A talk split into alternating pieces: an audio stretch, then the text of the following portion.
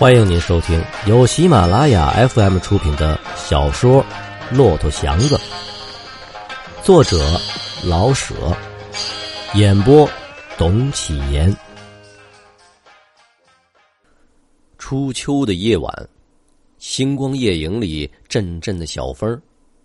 祥子抬起头，看着高远的天河，叹了口气。这么凉爽的天，他的胸脯又是这么宽。可是他觉得空气仿佛不够，胸中非常的憋闷。他想坐下痛哭一场。以自己的体格，以自己的韧性，以自己的要强，会让人家当猪狗，会维持不住一个事情。他不止怨恨杨家那一伙人，而渺茫的觉得一种无望，恐怕自己一辈子不会再有什么起色了。拉着铺盖卷儿，他越走越慢，好像自己已经不是拿起腿就能跑个十里八里的样子了。到了大街上，行人已少，可是街灯很亮，使他更觉得空旷渺茫，不知道往哪里去好了。上哪儿呢？自然是回仁和厂，心中又有些难过。做买卖的，卖力气的。不怕没生意，怕的是有了照顾主而没做成买卖，像饭铺、理发馆进来客人看了一眼又走出去的样子。祥子明知道上工辞工是常有的事儿，此处不留爷，自有留爷处。可是他是低声下气的维持事情，舍着脸为的是买上车，而结果还是三天半的事儿。跟那些串惯宅门的老油子一个样，他觉得伤心。他几乎觉得没脸再进仁和厂，而给大家当笑话说：“瞧瞧，瞧瞧，嘿，骆驼祥子感情也是三天半就吹呀。不上仁和厂，又上哪儿去呢？为免得再为这个事思索，他一直走向西安门大街去。”仁和厂的前脸是三间铺面房，当中的一间作为柜房，只许车夫们进来交账或交涉事情，并不随便来回打穿堂，因为东间与西间是刘家妇女的卧室。西间的旁边有一个车门，两扇绿漆大门上面弯着一根粗铁条，悬着一盏极亮的没有罩子的电灯。灯下横悬着铁片，涂金四个字仁和车厂。”车夫们出车、收车和随时来往都走这个门。门上的漆深绿，配上上面的金字，都被那只白亮亮的电灯照得发亮。出来进去又都是漂亮的车，黑漆的、黄漆的都一样油汪汪发亮，配着雪白的店套。连车夫们都感到一些骄傲，仿佛自居为车夫中的贵族。由大门进去，拐过前脸的西间才是个四四方方的大院子，中间有棵老槐树。东西房全敞着脸是存车的所在。南房和南房后面小院里的几间小屋，全是车夫的宿舍。大概有十一点多了。祥子看见了仁和厂那盏极明亮而又怪孤单的灯。柜房和东间没有灯光，西间可是还亮着。他知道虎姑娘还没睡。他想轻手蹑脚的进去，别叫虎姑娘看见。正因为他平日很看得起她，所以不愿头一个就被他看见他的失败。他刚把车拉到窗下，虎妞由门里出来了。哟。祥子，你怎？他刚要往下问，一看祥子垂头丧气的样子，车上拉着铺盖卷儿，把话又咽了回去。哎，真是怕什么有什么。祥子心里的惭愧与闷气凝成一团，顿时立住了脚，呆在那里说不出话。他傻看着虎姑娘。虎妞今天也是有点异常，不知是电灯照的，还是擦了粉。脸上比平日白了许多，脸上白了就掩去他好多凶气。嘴唇上的确是抹了点胭脂，使他也带出些媚气。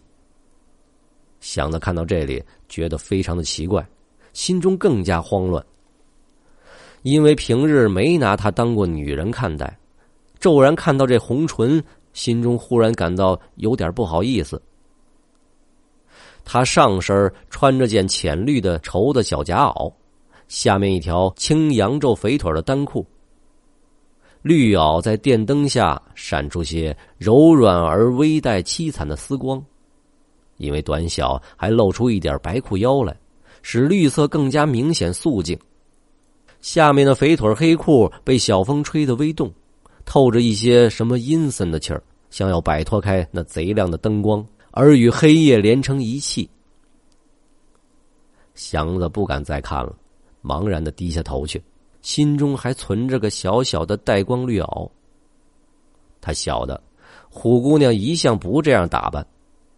以刘家的财力说，她满可以天天穿着绸缎，可是终日与车夫们打交道，她总是布衣布裤，即使有些花色在布上，也就不显眼。祥子好像看见了一个非常新意的东西，既熟识又新意，所以心中有点发乱。心中原本苦恼，又在极强的灯光下遇见这新意的活东西，他没有了主意。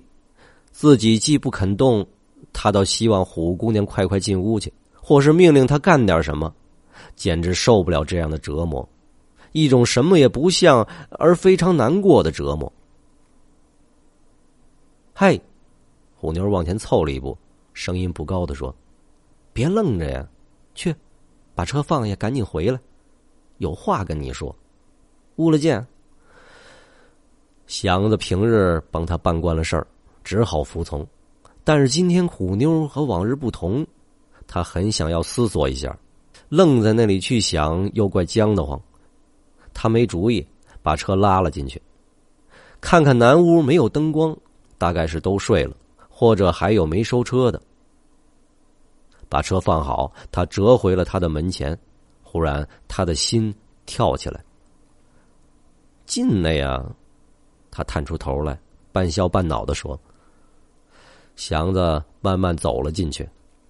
桌上有几个还不甚熟的白梨，皮儿还发青，一把酒壶，三个白瓷酒盅。”一个头号大盘子摆着半只酱鸡和些熏肝酱肚之类的吃食。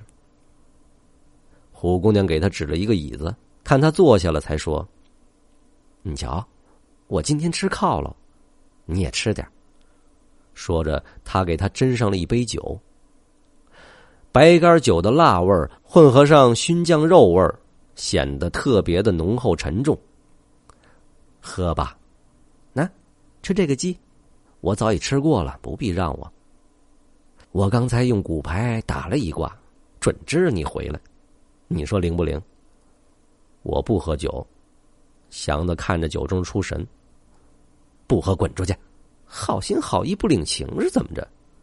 你个傻骆驼！辣不死你，我还能喝四两呢。不信你瞧。他把酒盅端起来，灌了多半盅，一闭眼，哈了一声。举着酒盅，哈，你也喝，要不我酒耳朵灌你了啊！喝。祥子一肚子怨气无处发泄，遇到这种戏弄，真想和他瞪眼。可是他知道，虎姑娘一向对他不错，而且他对谁都是那么直爽，他不应当得罪他。既然不肯得罪，再一想，就爽性和他诉诉委屈吧。自己素来不大爱说话，可是今天似乎有千言万语在心中憋闷着，非说不痛快。这么一想，他觉得虎姑娘不是戏弄他，而是坦白的爱护他。他把酒盅接过来喝干，一股辣气慢慢的、准确的、有力的往下走。他伸长了脖子，挺直了胸，打了两个不十分便利的嗝。虎妞笑起来，他好容易把这口酒调动下去。听到这个笑声，赶紧向东间那边看了看。甭害怕，没人。他把笑声收了，脸上可还留着笑容。老头子给姑妈做寿去了，姑妈在南院住，得有两三天的耽搁呢。一边说，一边又给他倒满了盅。听到这个，他心中转了个弯儿，结束在哪儿似乎有些不对的地方。同时，他又舍不得出去。他的脸是离他那么近，他的衣裳是那么干净光滑，他的唇是那么红，都使他觉到一种新的刺激。他还是那么老丑，可是比往常添了一些活力，好似他忽然变成另一个人。还是他，但多了一些什么。他不敢对这点新的什么去详细的思索，一时又不敢随便的接受，可也不忍的拒绝。祥子的脸红起来，好像是为壮壮自己的胆气。他又喝了口酒。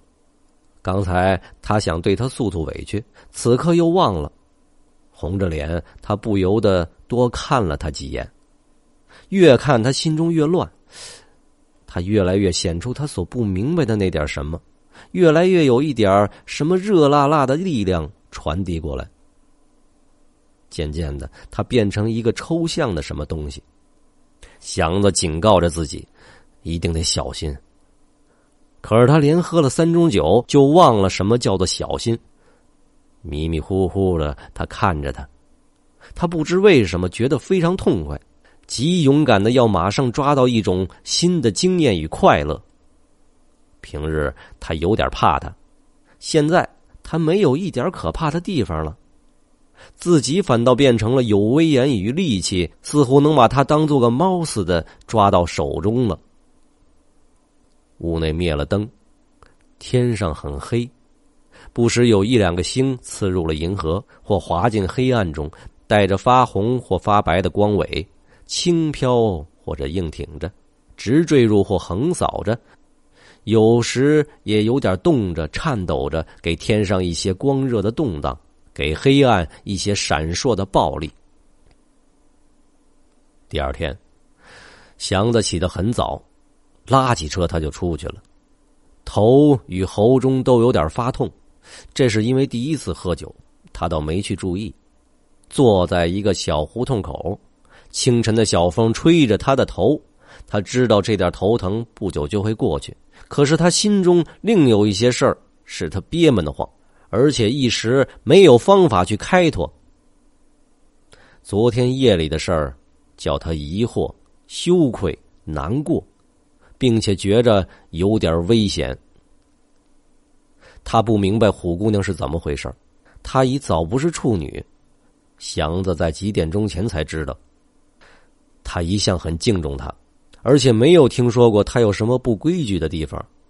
虽然他对大家都很随便爽快，可是大家也没在背地里讲论过他。即使车夫中有说他坏话的，也是说他厉害，没有别的。那么，为什么有昨夜那一场呢？祥子也怀疑昨晚的事儿。他既然知道他没在车场里，怎能是一心一意的等着他呢？假若是随便哪个都可以的话，祥子把头低下去。他来自乡间，虽然一向没有想到娶亲的事儿，可是心中并非没有这个打算。假若他有了自己的车，生活上舒服了一些，而且愿意娶亲的话，他必定到乡下娶个年轻力壮、吃得苦、能洗能做的姑娘。像他那个岁数的小伙子们，即使有人管着，哪个？不偷偷的跑白房子呀？祥子始终不肯随和，一来他自居为要强的人，不能把钱花在娘们身上；二来他亲眼见的那些花冤枉钱的傻子们，有的才十八九岁，在厕所里头顶着墙还撒不出尿来。他必须规规矩矩，才能对得起将来的老婆，因为一旦要娶，就必娶一个一清二白的姑娘。所以自己也得像那么回事儿。可是现在，哎，想起虎妞，假若当个朋友看，她确实不错；当个娘们看，她丑、老、厉害、不要脸。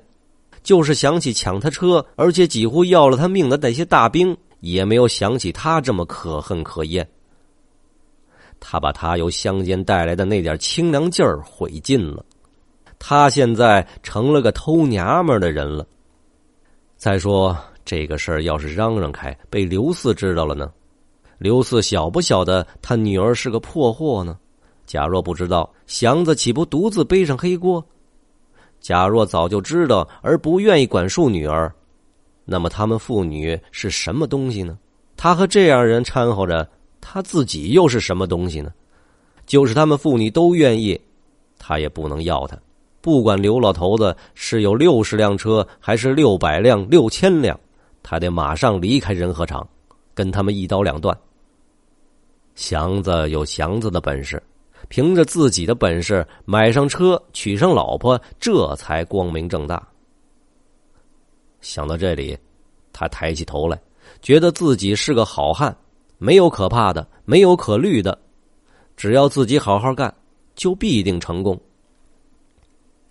让了两次座，都没能拉上，那点别扭劲儿又忽然回来了，不愿再思索，可是心中堵得慌。